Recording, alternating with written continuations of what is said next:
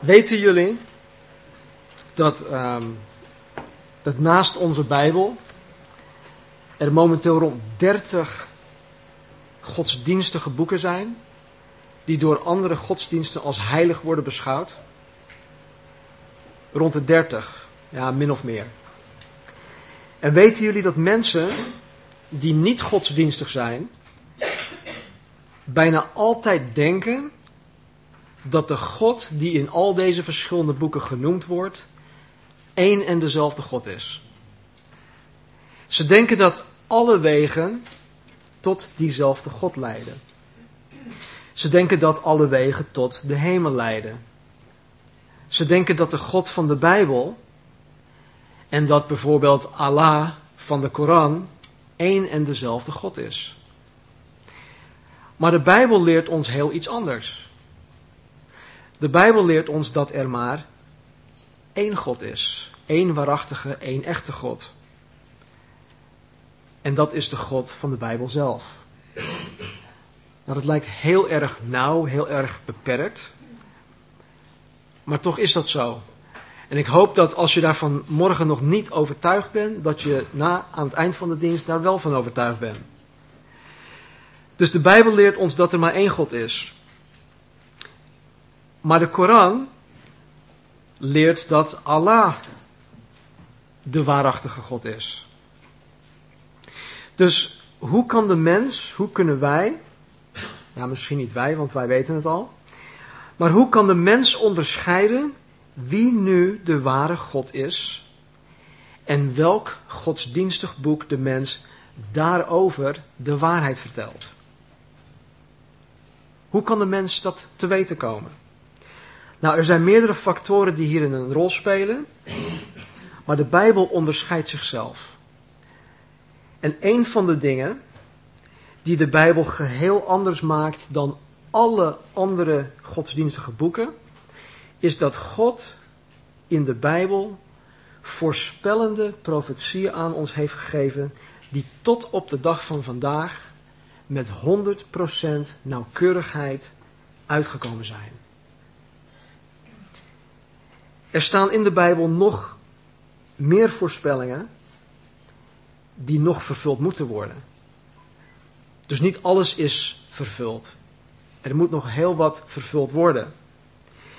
En van deze dingen, die nog vervuld moeten worden, geloof ik met 100% zekerheid dat net zoals alle andere die al uitgekomen zijn, ook deze met 100% nauwkeurigheid vervuld zullen worden. Nou, hierin zit een bepaalde principe. En ik hoop dat, dat die principe vandaag duidelijk wordt. Waarom begin ik dit stuk hiermee? Vorige week hadden we gekeken naar op wat voor soort grond Paulus zijn huis bouwde. Was het zand of was het de rots? Bouwde Paulus zijn leven op het woord van God of trok hij zich er weinig van aan? We hebben tot nu toe door Paulus doen en laten hebben we gezien dat hij zijn huis op de rots, op het eeuwig blijvend woord van God heeft gebouwd. Want we zagen dat toen de storm kwam, zijn huis, zijn leven, zijn geloof in God stand bleef houden. Zijn huis, zijn leven, zijn geloof in God stortte niet in elkaar. Het bleef stand houden. Paulus bevond zich in een gigantische storm die alle 276 mensen aan boord het schip bedreigde. Tot op dit moment had Paulus reeds drie keer schipbreuk geleden. Dus op basis van al zijn ervaringen, zijn gezond verstand, was dit eigenlijk voor allen aan boord een hopeloze situatie. Het was absoluut hopeloos. Ze hadden dagenlang geen zon gezien, geen sterren, helemaal niks. Alleen maar wind, storm, golven. Ze waren doodziek. Ze werden heen en weer gesmeten. Er was geen hoop op redding. Want vorige week hadden we ook gelezen. Toen alle hoop op redding weg was. Ze hadden geen hoop. Behalve één ding. Er is één factor die, waar de gelovige altijd rekening mee moet houden. Eén element, één factor die altijd in de rekensom meegenomen moet worden voor de gelovigen. Als we even teruggaan naar hoofdstuk 27, vers 22.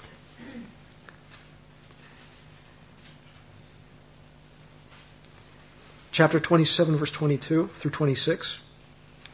Daar staat, maar nu, zegt Paulus, roep ik ertoe op, roep ik u ertoe op, goede moed te hebben. Dit is midden in de storm. Want er zal geen verlies van iemands leven onder u zijn, maar alleen van het schip. Want deze nacht stond er bij mij een engel van God, van wie ik het eigendom ben en die ik ook dien. De engel zei, wees niet bevreesd, Paulus, u moet voor de keizer terechtstaan. En zie, God heeft u geschonken allen die met u varen. Heb daarom goede moed, mannen, want ik geloof God dat het zo zal zijn als het mij gezegd is. Wij moeten echter op een, op een of ander eiland terechtkomen. Oké, tot zover. Ondanks dat alles erop wees dat dit een hopeloze situatie was, had Paulus het onwankelbaar vertrouwen, 100% zekerheid dat God zich aan zijn woord zou gaan houden. Onwankelbaar.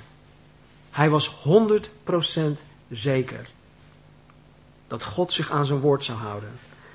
Nou, wie van ons, wie van ons zou in dit leven dit soort zekerheid en vertrouwen nou niet willen hebben? We leven in een hele onzekere tijd. We leven in een onzekere wereld. Niets is zeker meer.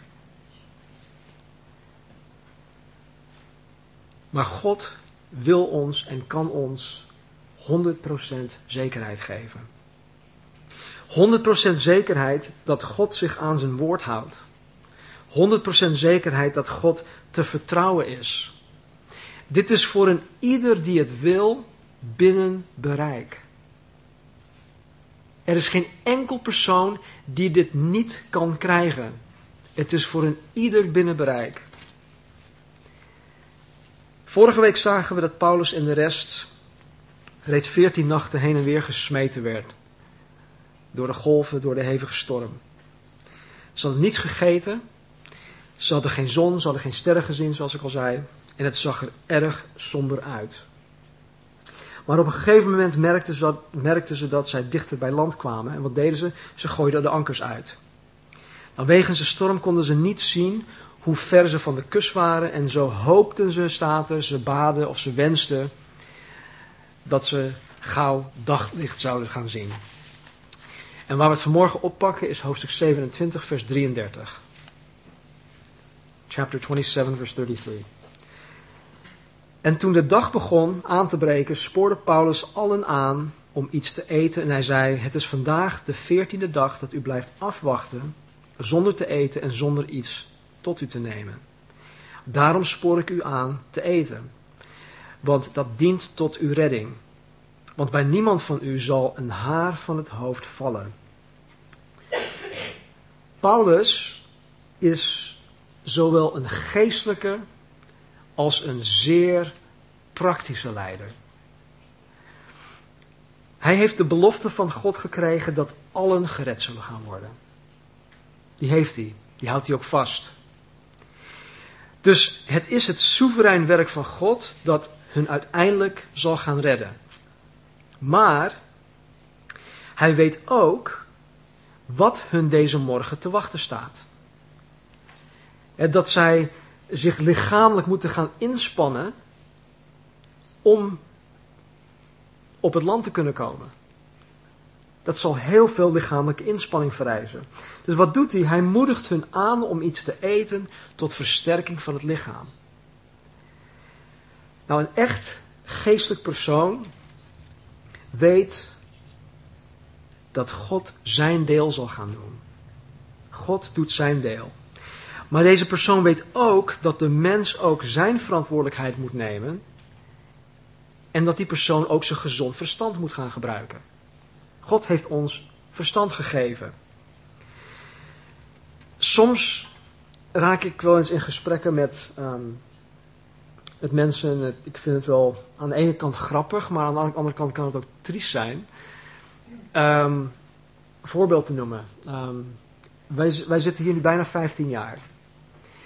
En in die 15 jaar tijd heb, hebben wij um, mensen uit um, Amerika zien komen en gaan. En vaak waren het, um, in bijna alle gevallen waren het mensen die zeiden van Stan, we willen de Heer in Nederland dienen.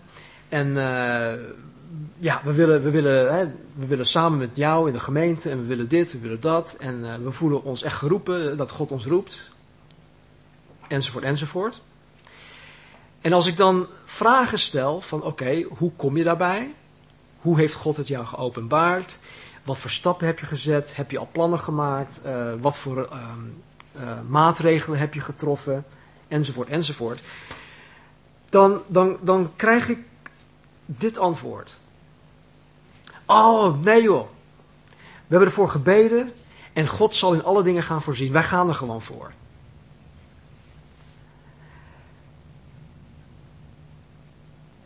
Dat komt bij mij over alsof die mensen heel geestelijk willen lijken.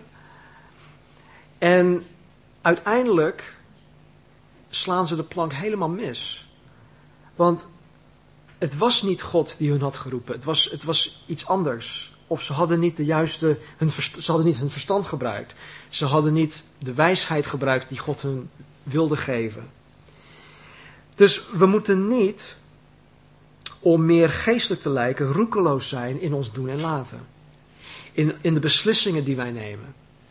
En Paulus die kon ook net zo goed zeggen van, joh, ik heb de belofte van God gekregen. Hij gaat ons redden.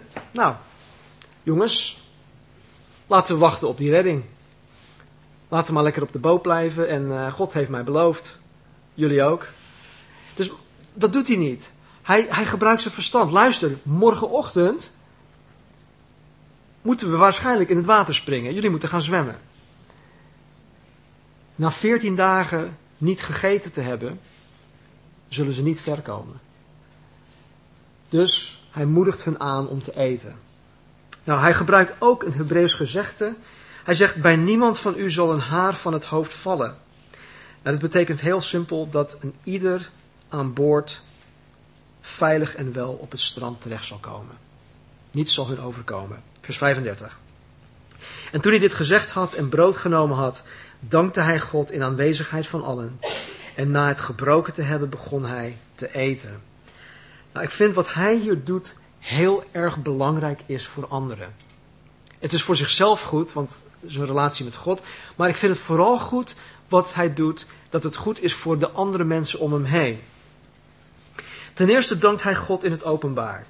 Nou, dat is op zich al een goede getuigenis naar de anderen toe. In Amerika zijn we er waarschijnlijk iets meer open in dan, dan hier in Nederland. Uh, dat, althans, dat heb, ik, dat heb ik opgemerkt.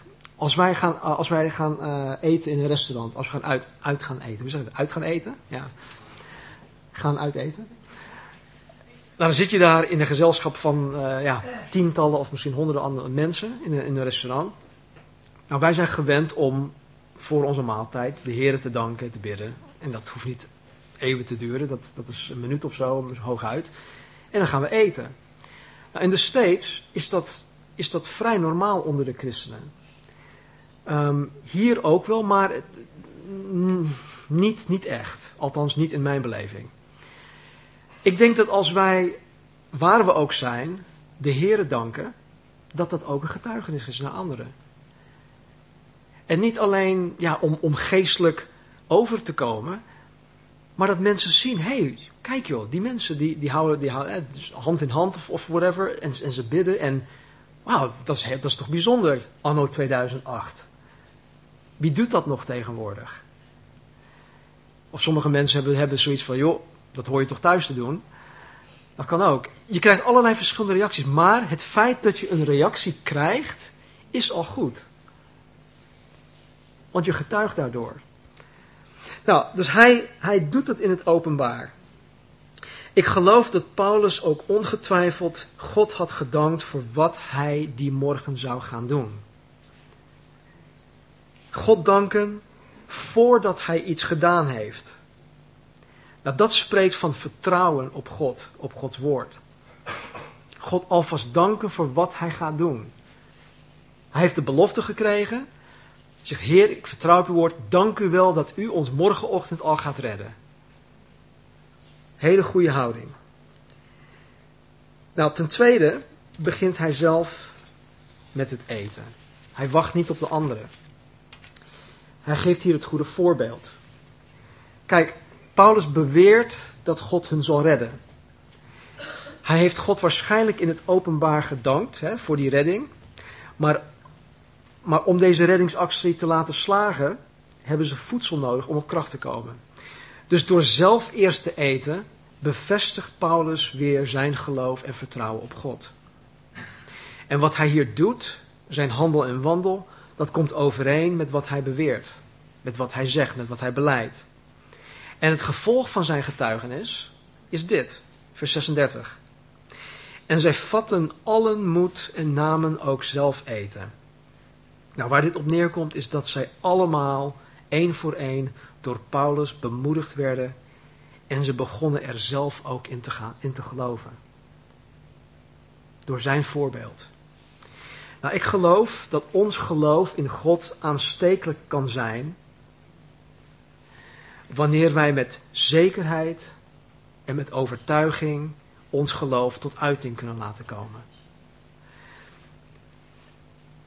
Ik krijg wel eens van mensen te horen dat, dat ze onder de indruk zijn van hoe overtuigd um, wij zijn van datgene waarin wij geloven. En dat was ook een van de dingen die, eh, die, die Erik zei. Uh, een paar weken geleden. Hij zegt, hij zegt, man, hij zegt, jullie geloven daar echt in, hè? zeg, ja, precies. Jullie geloven daar echt in. Nou, als iemand dat tegen je zegt, is een goed teken. Want dan spreek je met overtuiging. Dan zien mensen aan jou dat je echt gelooft waarin je eh, zegt dat je gelooft. Nou, ik zeg dit dus niet om te roemen, maar ik zeg het omdat mensen het nodig hebben te zien dat christenen echt geloven waarin zij beweren te geloven. Geloof brengt ons tot actie. Geloof beweegt ons. Als Roelof, of als wij hier in deze ruimte geloofden dat Roelof in zijn, in zijn, in zijn tas een bom had. En hij had het op een, uh, tijd, een tijdklok staan. En het zou elk moment af kunnen gaan. Nou, ik denk niet dat wij hier allemaal rustig zouden blijven gaan zitten. Dus het geloof daarin brengt ons tot actie, waardoor wij deze ruimte gaan verlaten. Nou, het geloof in Jezus Christus, ons geloof, hoort ons ook in actie te brengen, waardoor mensen ook kunnen zien dat wij daadwerkelijk geloven. Vers 37. Wij waren nu in het schip met in totaal 276 zielen of mensen. En toen ze alle met voedsel verzadigd waren, maakten zij het schip lichter door het koren in zee te werpen. En toen het dag werd, herkenden ze het land niet. Maar ze merkten dat er een inham was met een strand. Het leek hun raadzaam het schip, als ze het konden, daarop te laten lopen. En nadat zij de ankers losgemaakt hadden, gaven zij die, gaven zij die prijs aan zee. En ze lieten die ankers gewoon los in zee. Terwijl ze meteen de touwen van de roeren losmaakten en na het voorzeil gehezen te hebben, hielden zij voor de wind op het strand aan. Maar zij kwamen terecht op een plaats waar aan weerskanten water was, ofwel waar twee stromingen samenkwamen. En ze lieten het schip daarop lopen. Het voorschip bleef onbewegelijk vastzitten, maar het achterschip brak door het geweld van de golven. De, de zeelieden probeerden het schip dusdanig te sturen, te manoeuvreren, zodat het op een gunstige plek terecht zou komen. Liefst op het strand. want dan zouden ze zo, zonder hun voeten nat te hoeven maken, op het zand terechtkomen. Maar zoals God reeds had voorspeld, zouden zij het schip verliezen. En zo zien we hier dat het schip langzaam maar zeker in tweeën brak door het geweld van de golven. De hele achterkant sloeg uit elkaar. Vers 42. Het plan van de soldaten was de gevangenen te doden, zodat niemand door weg te zwemmen zou ontsnappen. Dat leek me best wel extreem. Jij gaat niet ontsnappen, ik maak je nu af. Dat is de, de insteek. Maar dat heeft een reden. Dat, dat bedachten ze niet zomaar. Het was geen, laat ik het zo zeggen, ehm, hoe noem je dat? Ehm, zinloos geweld. ze, hadden, ze, hadden, ze hadden een reden daarvoor. Tijdens Paulus' tweede zendingsreis werden Paulus en Silas in de gevangenis gestopt in Filippi. En op een nacht, toen zij de Heeren prezen terwijl ze vastgeboeid waren in ketenen, kwam er plotseling een aardbeving. Dat is in Handelingen 16. Door deze aardbeving gingen alle deuren van de gevangenis open, hun boeien gingen los. Toen de bewaker daardoor wakker werd en hij merkte dat alle deuren open waren, trok hij zijn zwaard en hij wilde zichzelf doden. Waarom? Omdat hij dacht dat de gevangenen ontsnapt waren. Het was namelijk zo dat wanneer een gevangene ontsnapte, de Romeinse bewaker de straf op zich zou moeten nemen van de gevangenen. In dit geval waren vele gevangenen waarschijnlijk ter, dood veroordeeld. En zouden de soldaten dus ook de doodstraf krijgen als deze gevangenen ontsnapt waren. Dus nu begrijp je een beetje van waarom hun en niet, en niet. Ik had waarschijnlijk in hun schoenen hetzelfde gedaan of willen doen. Het leek een goede oplossing om alle gevangenen te doden om zo te voorkomen dat maar één zou ontsnappen. Vers 43.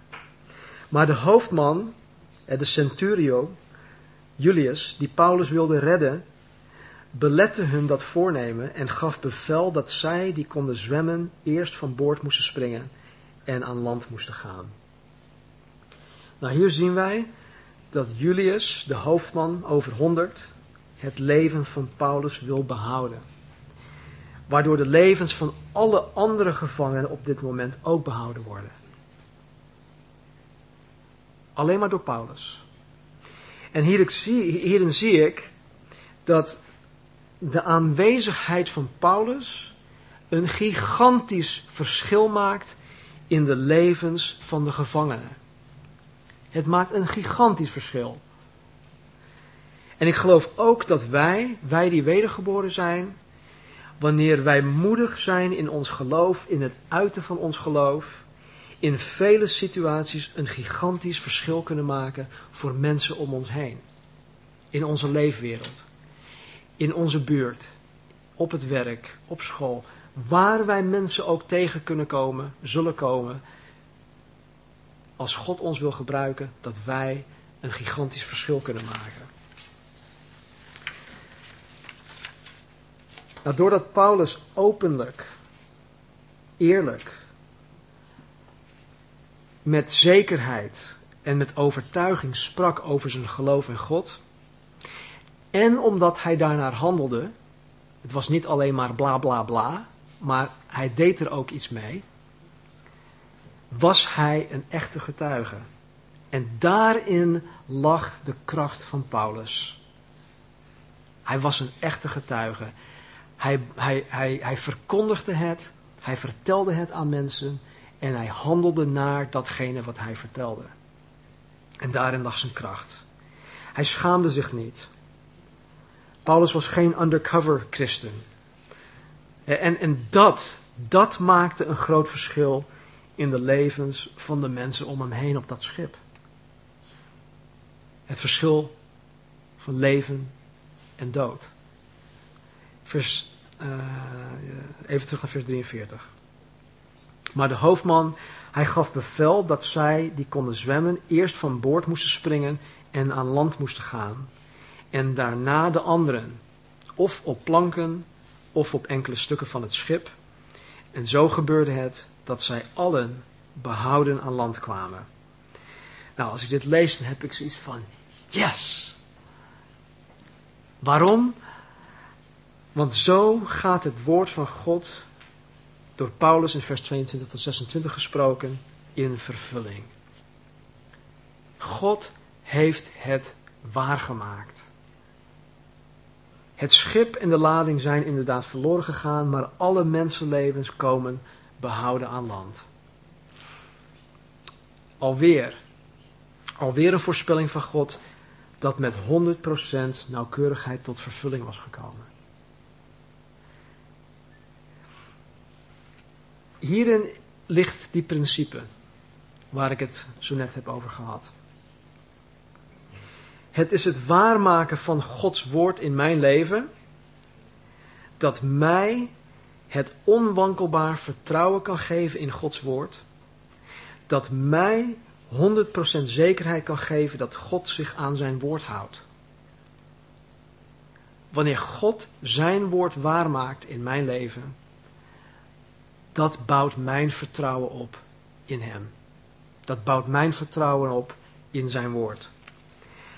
En elke storm, elke storm waardoor ik heen moet gaan, dient als een gelegenheid om Gods woord op de proef te stellen. Elke storm waardoor ik heen moet gaan, dient als een gelegenheid om Gods woord op de proef te stellen.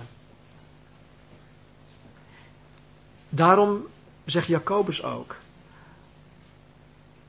Ik weet het even niet in het Nederlands, maar in het Engels. Count it all joy, brethren, when you have to go through many trials. Kennen jullie het spel Uno? Oké. Vaak speelde ik dit uh, jaren geleden uh, met, met een van mijn vrienden. En het, uh, we speelden gewoon one-on-one. Nou, je weet zelf, als je one-on-one speelt, dan kan je ja, één keer uh, bla bla bla, draw four, dit en dat, change color, bla bla. Nou, je kan in één keer kan je zo zes kaarten hebben en in één keer kan je alles los, loslaten. Nou, wanneer hij dan een, een hoe zeg je draw four in het Nederlands? Ja, vier pakken, zo'n kaart? Oké. Nou, als je zo'n kaart, eh, als ik zo'n kaart kreeg, ja, dan moet je dan vier van die vier kaarten pakken van de stapel. Nou, ik noemde dat, alleen om hem dan een beetje te, te, te starren, starren, hoe zeg je dat? Te sarren. Ik noemde dat wild card opportunities. Met andere woorden, ik kreeg de gelegenheid door vier kaarten te moeten oppakken. Ik kreeg de gelegenheid om nog meer van die wildcards te krijgen. Nou, de meeste mensen zien dat als, een, als, als heel negatief. Oh man, ik moet weer vier, heb ik weer vier kaarten erbij. Maar ik zag dat nee, als een, als een soort gelegenheid om juist goede kaarten te krijgen. Nou, elke storm, elke storm waardoor ik heen moet gaan, zie ik nu niet meer, vroeger wel, maar ik zie het nu niet meer als negatief. Ik zie het niet meer van, Oh, waarom nou weer? Waarom dit? Waarom dat? Nu zie ik het als een gelegenheid om God zichzelf aan mij te bewijzen. En ik zie het als een gelegenheid om Gods woord weer op de proef te kunnen stellen. Dus hoe vaker ik door de storm heen ga, hoe, hoe meer stormen ik in mijn leven krijg, hoe vaker ik Gods woord op de proef mag stellen.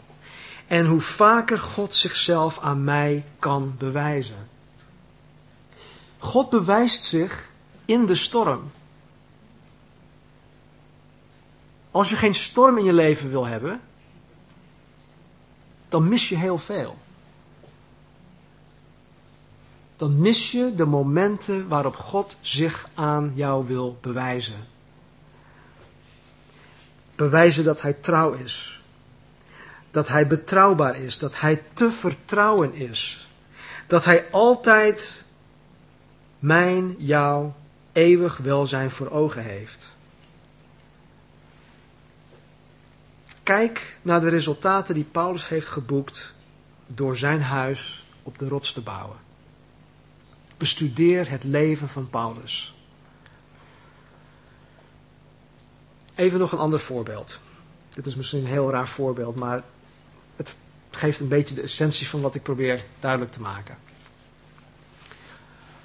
Stel dat je iemand leert kennen en die zegt tegen jou: hey, ik weet hoe jij volgende maand de staatsloterij kan winnen. 15,5 miljoen. Ik weet niet eens hoe een loterij werkt, maar goed, zeg, stel dat hij het, juiste nummer geeft of zo. Werkt dat zo? Oké. Ehm, en, hij, en hij zegt tegen Maarten: Hé hey Maarten, dit is uh, dit, dit, dat nummer. Nou, hij vult het kaartje in, mocht het zo werken, ik weet het niet. Uh, stuurt, dat, stuurt dat op of, of whatever. En uh, ja hoor, wanneer de trekking komt, nou, 15,5 miljoen euro. Ah, Maarten van den Berg uit Burgerveen. Yay! Nou, volgende maand, of de volgende trekking, ik weet niet hoe vaak dat gebeurt, komt hij weer bij Maarten. Hé hey Maarten, ik heb weer een nummer. Maar deze keer moet je, moet je een miljoen moet je investeren. Maarten denkt van nou, ja, eerste keer uh, had hij het goed, dus ja, waarom niet? Ik probeer het wel. Dus hij geeft een miljoen euro, doet het weer. Tweede trekking, Maarten van den Berg, jij bent de winnaar. Yay! Drie keer, vier keer, vijf keer tot zes keer toe. De zevende keer komt hij weer. Wat denk je dat Maarten van die man denkt? ik kan blindelings op die man vertrouwen. Hij heeft me al zo vaak geholpen, al zo vaak is datgene uitgekomen wat hij mij verteld heeft. Waarom zou ik niet in hem vertrouwen? Waarom zou ik niet op zijn woord bouwen? Nou, zo is dat ook. Dat, zo is dat principe ook met ons en met Gods woord. Dat wanneer wij God op de proef stellen, of Gods woord op de proef stellen, dat wij zullen weten, zodat we te weten zullen komen, dat wat God ons vertelt, dat het ook waar is. Want hij zegt het, hij heeft het gezegd. We stellen het woord op, het woord op de proef. God brengt dat tot vervulling. En mijn geloof is zo'n stukje gegroeid. De eerstvolgende keer gebeurt het weer. Mijn geloof is weer zo'n stukje gegroeid. De eerstvolgende storm gebeurt het weer. En mijn geloof is weer zo'n stukje gegroeid. En beetje bij beetje groeit mijn geloof in God en in het woord. Tot, het, tot op het moment dat je zegt van weet je,